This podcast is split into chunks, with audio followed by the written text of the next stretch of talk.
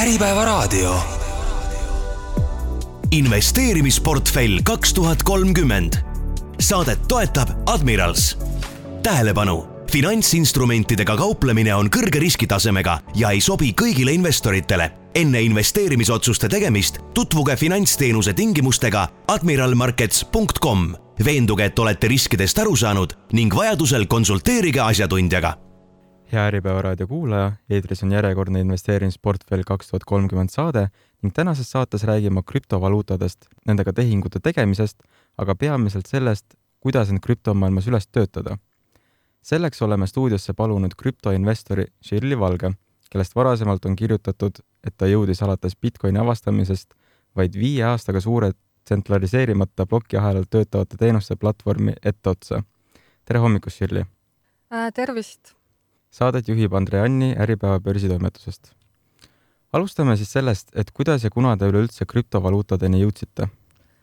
algas see sellest, et ma hakkasin ettevõtlusega tegelema, kui ma olin kahekümne nelja, kahekümne viie aastane ja läbi selle ma hakkasin huvituma investeeringutest ja see oli siis, kui just investeerimisklubi üritused algasid ja seal äh, räägiti ainult äh, aktsiatest äh,, laenu andmistest äh, ja kinnisvarast kui varaklassidest ja võimalustest investeeri-, investeerida.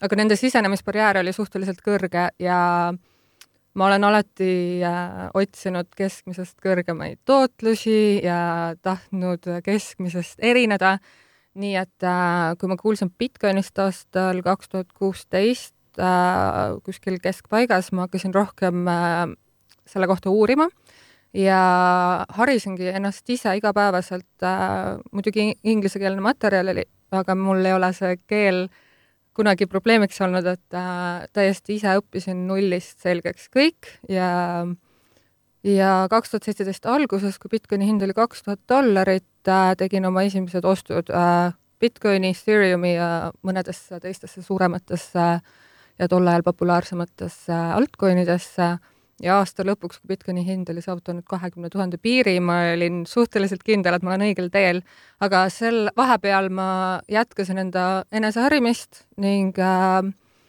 juba kaks tuhat seitseteist lõpus ma kolisin Tsugi, mis on äh, krüptoorg Euroopas. küsin siis kohe ära, et kui rikas te täna olete, palju teil Bitcoine või Ethereumit kontol on? kogemuste ja teadmiste ja kontaktide poolest olen ma väga rikas, aga peale eelmist pulliturgu ja vahepealset krüptotalve ma arvan, et nüüdseks ma olen oma õppetunnid kätte saanud ja ma saan neid rakendada, et, et see finantsiline rikkuse pool jälle taastada ja järgmisel pulliturul uuesti tippu ronida, et eelmise krüptopullituru perioodil kakskümmend, kakskümmend üks lõpp Äh, ma saavutasin esimesed miljonid, aga ma jäin sellesse positsiooni istuma, äh, keegi ei osanud arvata, et see kukub ja vahepeal küll ma müüsin äh, osad Bitcoinid maha ja osad teised valuutad, aga ma asendasin selle siis turvalisema varaklassiga nagu kinnisvara, ehk siis ma tegin ka esimesed kinnisvarainvesteeringud. Ähm, ja Bitcoin oli tol ajal, kui ma müüsin neljakümne tuhande dollari piiris, ehk siis ei olnud täielik põhi, ehk siis äh, ma arvan, et äh, läbi õnne äh, ja pool juhuse ma eksitasin suhteliselt äh, heal ajal, aga hetkel ma hoian kuskil äh, viiskümmend protsenti oma koguväärtusest siis äh, krüptos ja ülejäänud äh, kinnisvaras. Hmm. kas äh, midagi muud leidub ka peale nende kahe või ongi ainult äh, krüpto ja kinnisvara hetkel?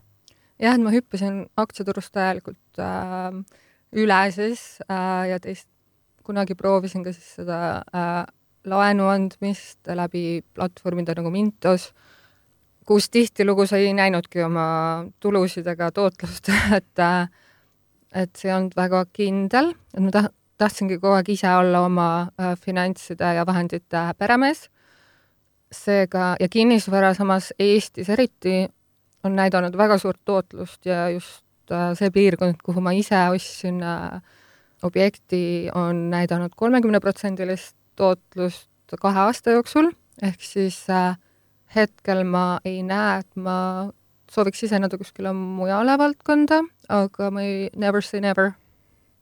aga räägime natuke teie teekonnast tippu. töötate Šveitsi krüptooruks kutsuvasse kantonis. mis te seal täpselt teete? jah, et see kantoni nimi on Zug ja Šveitsis on kõik kantonid siis äh, konkureerivad teineteisega läbi maksupoliitika äh, regulatsioonide ja et äh, kes võimalikult palju maksuraha saab enda kantonisse. Ja Zug on siis üks kõige madalamatest äh, kantonitest, põhimõtteliselt siis tax haven äh, ja põhilised suunad seal on äh, commodities ehk siis äh, äh, igasugused äh, firmad, mis tegelevad maavarade vahendusega ja teine on krüpto. See sai alguse aastast kaks tuhat kolmteist, et Ethereum Foundation äh, asutas oma äh, sihtasutuse siis seal Zugis ja läbi selle tekkisid ka teised suured äh, finantstehnoloogia teenusepakkujad nagu Bitcoin Swiss, kes on pioneer selles valdkonnas, ja nüüdseks on seal Zugis siis Crypto Valley's, kus ma töötanud olen viis-kuus aastat, üle saja erineva plokiahela sihtasutuse registreeritud ja palju erinevaid teisi Web3 projekte, et see on niisugune, niisugune suur krüptomull seal ja kogukond. Ja samas Zug ise ka äh, aktsepteerib äh, äh, omakapitali sissemakseid, maksu maksmist äh, krüptos, suuremates krüptovaluutades. Äh, ja Šveits ise ka, ta näeb, et see traditsiooniline pangandus ja finantsvaldkond äh,, tänu millele nad on üldse jõukaks saanud, ei ole jätkusuutlik vanal kujul ja sellepärast nad äh, on suhteliselt targalt äh, talitlenud, et nad äh, toetavad siis finantstehnoloogia arengut ja Web3 arengut luues kindla raamistiku, kus siis asutada oma projekti seal Šveitsi jurisdiktsioonis ja toetavad kogu seda valdkonna arengut ähm,. et sellepärast on ka see krüptovälli siis. Jõudsite tippu umbes äh, viie aastaga. paljud võivad mõelda, et kuidas küll nii kiiresti, et äh, kui palju te varasemalt krüptovaluutadest teadsite enne teie esimesi oste Bitcoini? nagu ma mainisin, siis ma ise pidin kõik õppima, sest ei olnud olemas ühtegi äh, haridusasutust siis mm. -hmm. aga kust tuli see mõte? ma kuulsin Bitcoinist ma tundsin ja ma koht-, okei okay,, ma kohtusin äh,, kohtasin juhuslikult Tallinnas ühte Bitcoin peer-to-peer exchange'i loojat ehk siis Bitcoini äh, börsi loojat ähm,, mis on tegutsenud aastast kaks tuhat kolmteist äh,, selle nimi on Paxful ja tema, ja see asutaja käis ringi niisuguse suure Bitcoini kullast ketiga äh,. ja tänu temale ma sain nagu selle esimese lükkega, kuigi ta ise nagu ei viitsinud väga kätt hoida, et kuna krüptomaailmas kõik liigub nagu valguskiirusel, kellelgi ei ole aega sul äh, mingit äh, baaskoolitust teha, et äh, ongi hästi palju vaja proaktiivselt ja iseseisvalt äh, harida ennast. Aga ma tundsin, et see, sinna saab siseneda väga nagu väikse summaga, et see sobib täpselt nagu naisterahvale näiteks või keegi, kes ei teeni palju ähm, või siis kus arenguriikide populatsioonile, aga et sa võid alustada kas või ühest eurost, aga tootlused tundsid olevat nagu pal-, nagu see on riskantne, aga sul on võita nagu väga palju ja ma arvan, et noorena, kui sa oled kakskümmend viis, ma arvan, et see on seda riski väärt. miks just äh, Šveits? seal olid ka isik, isiklikud põhjused, et kuna ma kohtasin oma lapse isa Tallinnas, kes elas seal, tema oli siis selles commodity trading äh, valdkonnas ja individuaalselt krüptos, siis äh, kolisin sinna individuaalsel põhjustel, seal avastasin, et äh,, et see on tegelikult see valdkonna äh, punkt, keskpunkt, kus toimub kogu innovatsioon ja kõige suuremad äh, arengud. ja mulle tundus loogiline järgmine samm äh, karjäär alustada selles valdkonnas, kuigi üheksakümmend üheksa koma üheksa protsenti on see maskuliinne valdkond ja tol hetkel olid seal siis niisugused arvuti ja IT äh, nohikud äh, või siis äh, Šveitsi pangast mingid äh, Äh, pensionile jäänud äh, onud, kes hakkasid oma krüpto startup'i looma.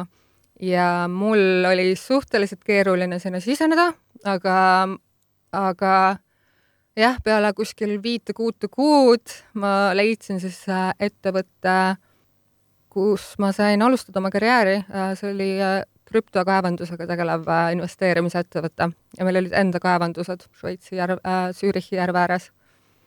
kuivõrd kiiresti on võimalik endale plokiahela ja krüptode kaevandamisega seotud teadmised selgeks teha, näiteks kui keegi tahaks alustada? see oleneb täiesti individuaalsest õppimisvõimest, kirest äh,. ühest raamatust ei piisa?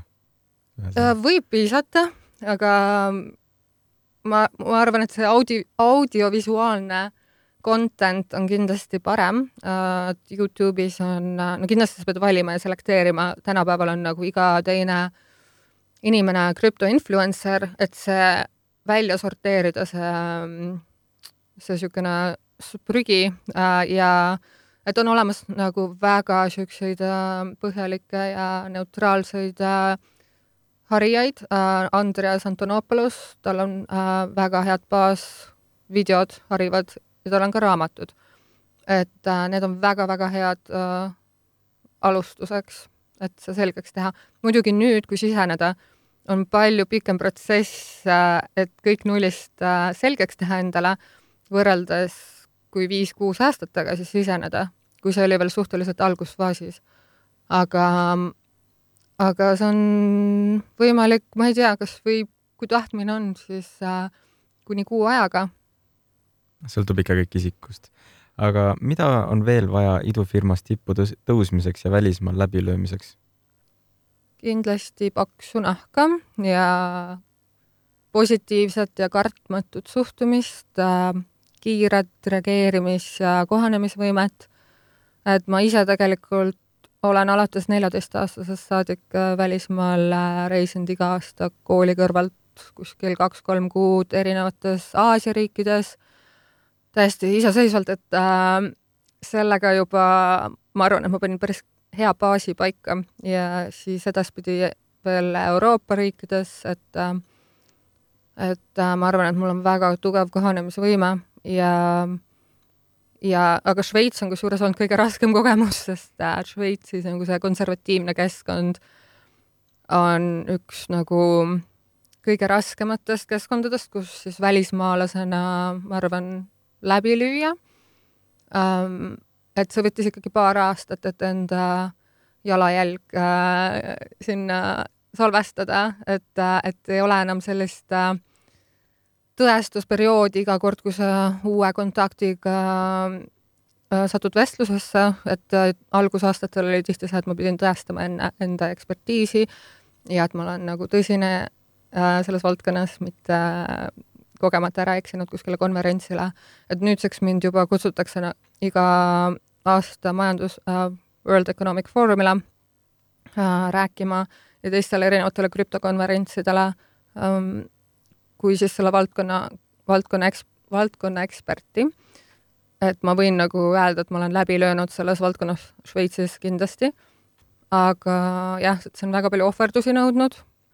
kindlasti on keeleoskused kasuks, õnneks ma käisin Saksa gümnaasiumis, et saksa keel on tugev ja meil on hästi palju äh, Ukraina arendajaid tegelikult, et see aitab ka kaasa, kuna paljud neist ei räägigi inglise keeles. ja arusaamist erinevatest kultuuridest kuna nagu töökultuurid on nii erinevad, et räägitakse, et eestlane on tööloom, aga tegelikult nagu see kultuur, mis on nagu finants äh, haabides nagu London või Šveits või New York, see on teine teema hoopis, et äh, rääkides must endast, siis ma olen äh, üle nelja ja poole aasta töötanud igapäevaselt äh,, mitte ühtegi päeva mul ei ole olnud äh, offline'is, et äh, ja ma olen vahele jätnud ka oma emaduspuhkuse ja lapsepuhkuse, nii et äh, need on need ohverdused, mis tuleb teha selleks, et äh, see edu saavutada.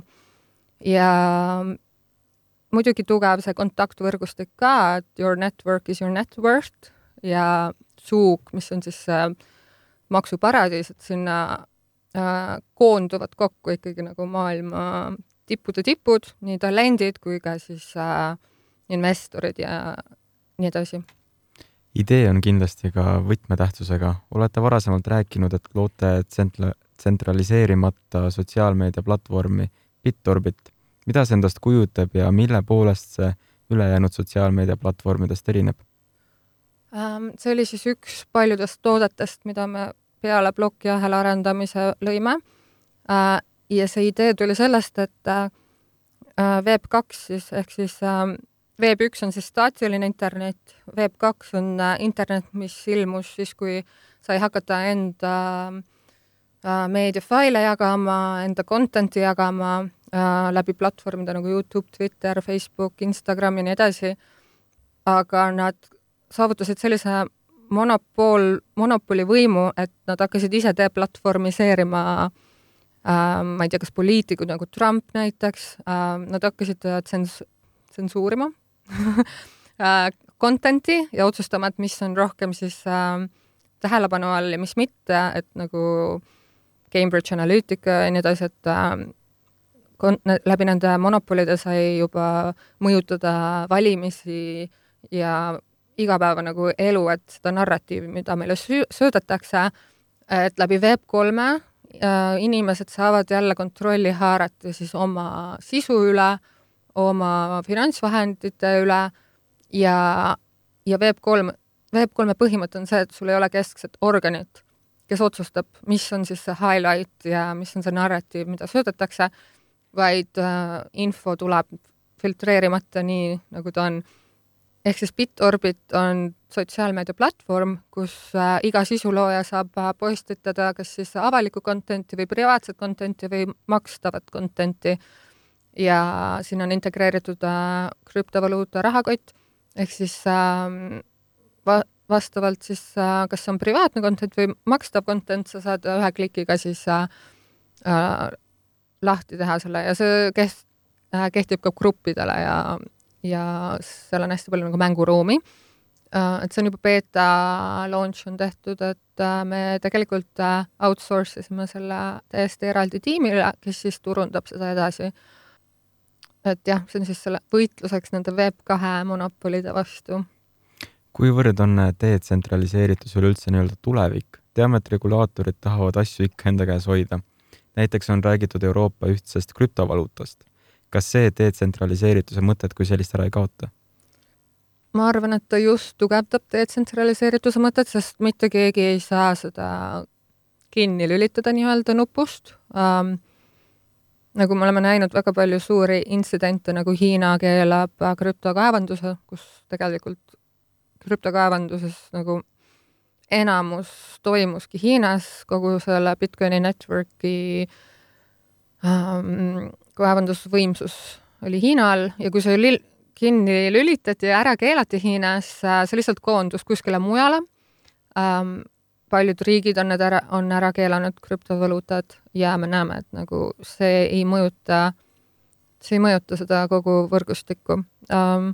ehk siis, kui nüüd keskpangad väljastavad oma digitaalse valuuta, see on lihtsalt üks alternatiivne makselahendus äh,, mille järgi on valitsustel võimalik Äh, suuremat kontrolli ja jäli-, äh, jälitustegevust saavutada, äh, aga alatiseks jääb ka detsentraalne moodus tehinguid teha. kas krüpto on täna valdkond, kus on veel ruumi teie edulugu nii-öelda korrata või peaks selleks otsima juba veel uuema valdkonna, näiteks Web3-e? no Web3 ongi krüpto, et äh, ma arvan, kuni meil ei ole veel järgmist seda äh, pulliturgu, mis tuleb ilmselt kakskümmend, kakskümmend neli alguses ähm,.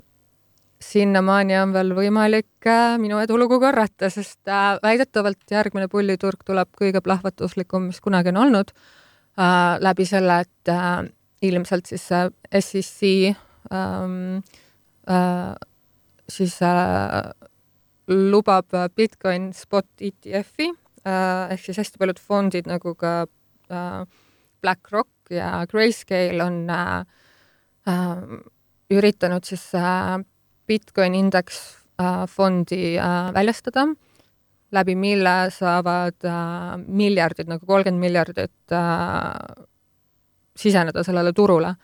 ja see annab see võimaldab ligipääsu kogule institutsionaalsele rahale siseneda sellele turule, et ma arvan, et me näeme väga suurt tõusu järgmine aasta nii et sinnamaani on veel ja ka sealt punktist edasi on võimalik uh, seda nullist nagu miljonäriks või ajalehest, ajalehepoisist miljonäriks uh, edulugu saavutada. kuidas te lihtsasti kuulajale selgitaksite, mis asjad need Bitcoin või Ethereum siis lõpuks on, milles seisneb nende nii-öelda fundamentaalne väärtus? no Bitcoin ja Ethereum on kaks eri ähm, digitaalvaluutat, aga Bitcoinil on siis Bitcoinis äh, pioneer, mis loodi kaks tuhat üheksa äh, läbi, ma arvan, kollektiivse siis panuse äh, ja arenduse äh,. räägitakse, et selle lõi keegi Satoshi Nakamoto, aga ma tean isiklikult nagu äh, baasarendajaid, kes olid siis selle elluviimisel e-, esimestel aastatel, et see on ikkagi kollektiivne panus äh,. ja Bitcoini siis äh, miks see nagu fundamentaalselt nagu väärtuslik on või mis väärtust ta pakub, on see, et ta on ainult limiteeritud koguses kakskümmend üks miljonit Bitcoini, tema siis äh, tema kogu nagu summa, supply ähm, on äh, limiteeritud ja koodiga paika pandud, inflatsioon on koodiga paika pandud, et iga nelja aasta tagant toimub äh, Bitcoini plokiahelal äh, ploki pooldumine, ehk siis äh, plokiahelal saadavad äh, kaevandusautasud äh, pool, poolduvad, ehk siis äh, järgmine plokiahela pooldamine on äh, kakskümmend kakskümmend neli aprill, kus siis ühe ploki kinnitamine annab kuue koma kahekümne viie Bitcoini asemel kolm koma midagi Bitcoini, ehk siis see hoiab seda inflatsiooni kontrolli all ja kinnitab, et äh,, kinnitab, et äh, aastaks kakskümmend ük-, äh, kakskümmend üks nelikümmend äh, kaevandatakse viimane Bitcoin, et äh, kui me vaatame, mis toimub nagu tavaturgudel ja keskpankade poolt, äh, et raha trükkimine, see ei lõppe mitte kunagi. Ja ehk siis Bitcoin on niisugune alternatiivne vara hoiuklass, ehk siis kutsutakse ka digitaalseks kullaks et oma olemuselt on ta sama nagu kuld, aga teda on palju lihtsam hoiustada, kanda ühelt kontolt teisele, äh, reisida sellega ja, ja ta on enkrüpteeritud, ehk siis iga tehing mis toimub, on plokiahelal muutumatul kujul äh, ja seda on võimatu häkkida äh,. ja Ethereum on siis äh, järgmine, tore siis nagu pioneer, ütleme, mis võimaldab ka tarkasid äh, lepinguid ehk siis äh, smart contracts äh, oma plokiahelal, Ethereumil on enda plokiahel ja see võimaldab teha igasuguseid tehinguid ilma vahemehe, vahemeheta või notariteta näiteks või siis kesksete organisatsioonideta. ja Ethereum coin'i on ise selleks vaja, et siis neid tehinguid rahastada. et Ethereum praegu teeb läbi suurt suurt äh, muutust, et äh, algselt oli ta siis, põhines töötõestusmeetodil ehk siis proof of work meetodil, mis on hästi energiarohke, äh, et on nüüd siis, nad lähevad üle siis proof of stake'ile ehk siis panustamismeetodile. Ja see võimaldab ka palju suuremat läbilaskevõimet, et algselt oli siis probleemiks Bitcoinil ainult viisteist tehingut sekundis ja Ethereumil Äh, vabandust, Bitcoinil seitse tehingut sekundis Ethereumil viisteist tehingut sekundis, et see ei võimalda nagu neid kasutada makselahendusena, sest äh, Visa ja Mastercardiga on meil kolm tuhat viissada kuni viis tuhat tehingut sekundis võimalik teha. ehk siis äh, on, selleks ilm, ilmusid välja kõik need kolmanda generatsiooni plokiahelad nagu ka Veelas ja teised projektid, mis võimaldavad siis skaleeritavust, ähm, mis lahendaksid siis need Bitcoini Ethereumi probleemid Äh, kuivõrd raske või kerge on äh, krüptoidudel praegu, ajal, mil uue kapitali kaasamine on kallis ning ka krüptoturul valitseb nii-öelda karuturg? jah, tegelikult on väga raske. tegelikult äh, kui vaadata, siis äh, erinevaid äh, datat, et äh, tegelikult ehitamine ja uute kasutajate kaasamine on suurem kui kunagi varem ja nagu aktiivsus äh, toimub, aga äh, jah, et hästi palju pühitakse sellisel krüptotalvel ära tõsi, ebatõsiseid projekte, mis on samas ka hea ja tervislik sellele kogule ökosüsteemile. sest tavaliselt nagu pullituru ajal on hästi palju niisugust ähm, mulli ja, ja mitte väga nagu tõsiseid tegijaid turul, kellel on väga lihtne raha kaasata, ehk siis nüüd me näeme, kes on need äh, tugevamad äh, projektid, kellel on reaalne nagu substants ka taga.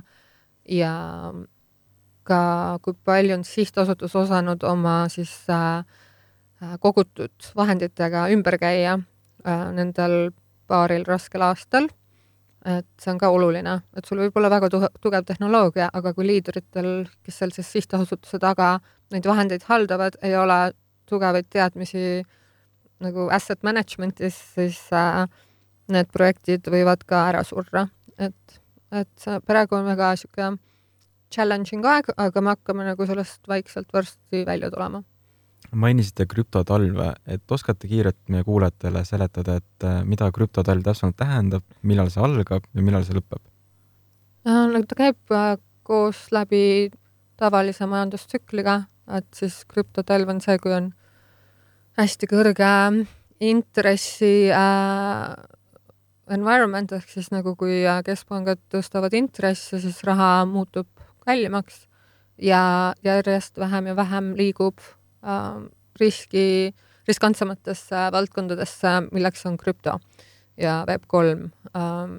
ehk siis äh, kuna likviidsus nagu kaob turult, investorid ei pane ka nagu raha enam sinna projektides alla ja tavaliselt nagu cash ivad just välja ja panevad kuskile turvalisemasse äh, varaklassi, siis äh, tekibki selline depressiivne periood äh, turul nagu krüptotalv, aga see käib äh, tavaliselt jah, majandustsüklitega kaasas, et kui näha, mis toimub SMP nagu viiesajaga või Nasdaqil tehnoloogiaaktsiatega, siis läbi selle saab ka ennustada, mis juhtub krüptoturul. Räägime natuke ka kauplemisest. kas krüptovaluutad on pigem teie arvates kauplemiseks või sobivad need ka pikaajaliseks investeeringuteks? Äh, need sobivad mõlemaks. Äh, kauplemisega on nii, et kuna see turg on kakskümmend neli seitse kolmsada kuuskümmend viis, see on täiesti täiskohaga töö ja tihti hästi palju on võrreldud, et kas see kauplemine ületab siis äh, äh, lihtsalt hoiustamise ja väga tihti on näha, et lihtsalt hoidmine ehk hodlimine ja näiteks steikimine siis äh,, et kõik need coin'id äh, ja valuutad, mis on, mis põhinevad äh, töötõest-, mis töö, panustamismeetodil ehk siis proof of stake protokollil nemad teenivad veel iga-aastast tulu, ehk siis sul tekib liitintress, et see on fikseeritud koodiga, see intress, ehk siis sa lukustad need sinna võrku ära ning sa teenid kuskil neli kuni kaksteist protsenti, olenevalt, mis, mis valuutas on, veel intresse. ehk siis mina, kuna mul ei ole aega nagu kakskümmend neli seitse lugeda, mis toimub turul mina ei ole tegelenud aktiivse kauplemisega. Äh, on selliseid inimesi, aga ma ei ole kuulnud edulugusid, mis ületaksid lihtsalt hoidmise. Olete öelnud, et volatiilsus kaob varsti ära. kas see tähendab, et äh, krüpto muutub pikaajaliseks investeeringuks ning äh, kaubelda on üha raskem? hetkel me näeme nagu kõige väiksemat volatiilsust, mis on aastaid olnud. see on sellepärast, et ta on praegu niisugune suletud ökosüsteem ja uut raha ei tule peale et see muutubki ilmselt siis, kui see spot ETF äh, USA-s vastu võetakse. Ähm, me näeme, me näeme ilmselt nagu miljardeid ja miljardeid uh, uut raha sisse voolamas. Ja samas on ka Aasias, mis toimub, on väga huvitav, et Hiina keelustas krüptod uh,, aga nad kasutavad Hongkongi selleks, et oma uh, vahendid siis sinna krüptoturule sisse tuua, ehk siis Hongkong hakkab ka nagu jälle elavnema. Äh, Hongkongis on siis nad jälle lubatud ja ma näen, ma just käisin äh, Singapuris äh, krüptokonverentsil, kus oli nagu kümneid tuhandeid inimesi. Et Aasias on ka nagu see teine niisugune kuum punkt peale USA, et me näeme neid Hiina rahasid ka sisenemas läbi Hongkongi turule. Ähm, et ähm, volatiilsus ilmselt kaob, mida rohkem seda uut raha jälle siseneb ja mida mida reguleeritumaks see valdkond muutub, ma arvan, et see ka mõjutab hästi palju volatiilsust. Aga räägime natuke ka tööriistadest, nii krüptos kui ka, kui tegelikult väärtpaberite puhul on oluline aru saada, millal on õige ostu- või müügikoht. mille järgi teie seda hindate? nagu ma mainisin, seda on võimalik nagu äh, siis indeksfondide mis järgivad äh, tehnoloogia ja startup'i maailma turul toimuvat, SMP five hundred ja NASDAQ ähm,, tavaliselt on see korrel-, korreleerib krüptoturuga või mis toimub krüptoturul.